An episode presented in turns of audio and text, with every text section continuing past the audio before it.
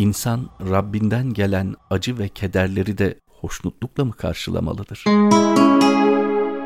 Sabır acı olanı yüzünü ekşitmeden içmendir. Başa gelen şeylere şikayet etmeden, feryat etmeden, hoşnutsuzluk duymadan tahammül edebilmendir. İlahi dostluğun insandaki en büyük alameti dosttan gelen bütün şeylere severek katlanmaktır. Mevlana Hazretleri Mesnevisinde şunu anlatır. Lokman Hekim diye bildiğimiz Lokman önceleri bir hizmetkardı. Uzun yıllar efendisinin yanında kaldı. Efendisi Lokman'daki bereketi sezmiş olduğu için bir şey yiyeceği vakit sürekli önce Lokman'a yedirirdi. Lokman o yediklerinden sonra sıra efendisine gelirdi ve yemeği sonra o yerdi. Bundan büyük bereketler gördüğünü düşünürdü efendisi. Fakat bir gün değişik bir uygulama yaptı efendisi. Normalde yiyeceği yemeği Lokman'a gönderirken bu kez Lokman'ı kendi yanına çağırttı. Yanında bir karpuz vardı. Lokman bu karpuzdan bir dilim ye diye yine bir başlangıç yapmıştı. Lokman bir dilim yedi. Efendisi tekrar bir dilim daha yemesini istedi. Lokman bir dilim daha yedi yedi. Efendisi tekrarladı bunu defalarca ve karpuzdan bir dilim kalıncaya kadar Lokman'a bütün karpuzları yedirdi. Ardından kalan tek dilimi bereket olsun diye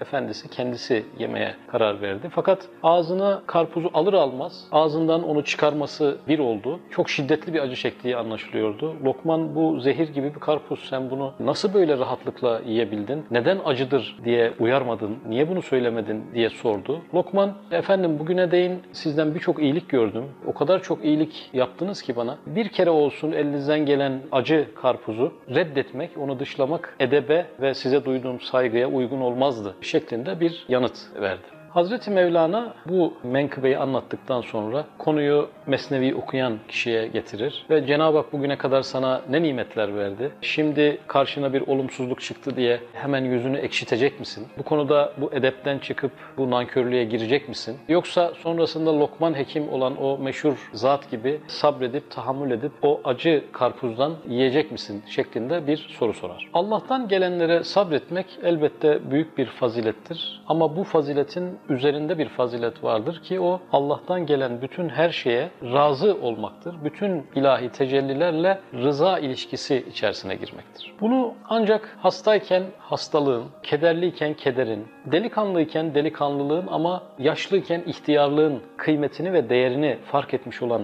insanlar idrak edebilirler. Başına gelenlerden razı olmak deyince Hazreti Eyüp'ü anmamak olmaz. Hazreti Eyüp şarkın en tanınmış insanlarındandı. Çok büyük maddi imkanlara sahip olan bir insandı. Birçok çocuğu vardı ve büyük imtihanlara gark oldu. Hazreti Eyüp malının tamamını kaybetmekle, hayvanlarının telef olmasıyla, ardından çocuklarının öldürülmesiyle karşı karşıya kalır ve bütün bu büyük imtihanları tam bir teslimiyet ve tevekkülle karşılar. Bu büyük imtihanlar sonrasında bir gün Hazreti Eyüp secdeye kapanır e, ve şöyle der. Annemin karnından çıplak çıktım. Beni de sonunda toprağa tekrar çıplak gireceğim. Rab verdi, Rab aldı. Rabbin ismi mübarek olsun şeklinde bir duada bulunur. Bunca musibetten, bunca büyük felaketten sonra Hazreti Eyüp'ün imtihanları azalacağına gitgide artmaya başlar. Bu kez vücudunda bir takım çıbanlar çıkmaya başlar. Ayak tabanından başına kadar her tarafı çıbanlarla kaplanmış hale gelir. Bu çıbanları kazımak için küllerin ortasında oturur, eline bir çömlek alır ve bu çıbanları kazımaya başlar. O zamanki problemlere, o süreye kadar sabretmiş olan karısı çıka gelir. Fakat bütün bunlara artık dayanamaz haldedir. Hazreti Eyüp'e şöyle bir teklifte bulunur. Sen halen kemalini sıkı mı tutmaktasın? Halen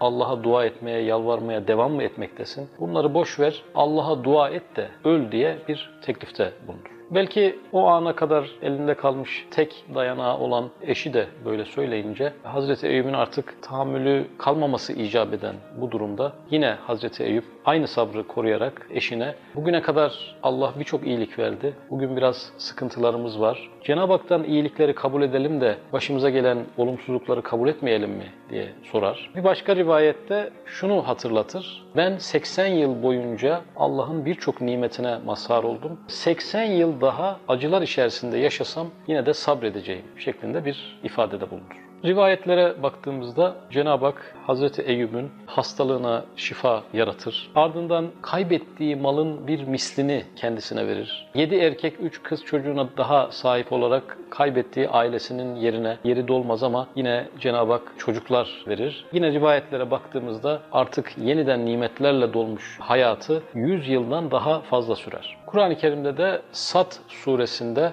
Hazreti Eyüp'ün bu durumu ifade edilmektedir. Katımızdan bir ibret ve rahmet olarak Eyüp'e hem ailesini hem de kaybettiklerinin bir mislini armağan ettik şeklindeki ayet-i kerimeyle Eyüp Aleyhisselam'ın masar olduğu bu durum ahir zaman ümmeti olan bizlere de Kur'an-ı Kerim vasıtasıyla bir ibret tablosu olarak ulaşmış durumdadır. Yaşarken cennetle müjdelenmiş yani aşere-i mübeşşereden 10 kişiden birisi olan Sad bin Ebi Vakkas Hazretleri hayatının son dönemlerinde, yaşlılığında gözleri görmez hale gelmişti. Kendisi duası çok makbul insanlardandı. Birçok insan kendi sıkıntısının çözülmesi için Sad bin Ebi Vakkas Hazretlerine gelip dua istiyorlardı ve o dualar kabul oluyordu. Fakat kendi gözlerinin görmeyişiyle alakalı bir dua etmediği hissedilince kendisine böyle bir soru soruldu. Neden gözlerinin görmesi için dua etmiyorsun diyenlere Rabbimin takdiri gözlerimin görmesinden daha çok hoşuma gidiyor diye bir cevap vermiştir. Evet, musibetler karşısında sabırla duruş bir fazilet ama onu gönderen şayet dostluğunu kazandığımız bir zatsa, Cenab-ı Hakk'ın dostluğunu kazanmışsak ondan bize gelen şeyler tahammül edilmesi gereken şeyler kategorisinin haricinde her ne şekilde olursa olsun, celali veya cemalli tecelli şeklinde de gelse, her bir musibetimizi, kederimizi sevebileceğimiz bir rıza bağlamının da bulunduğunu gösteren birçok böyle sahne olmuştur.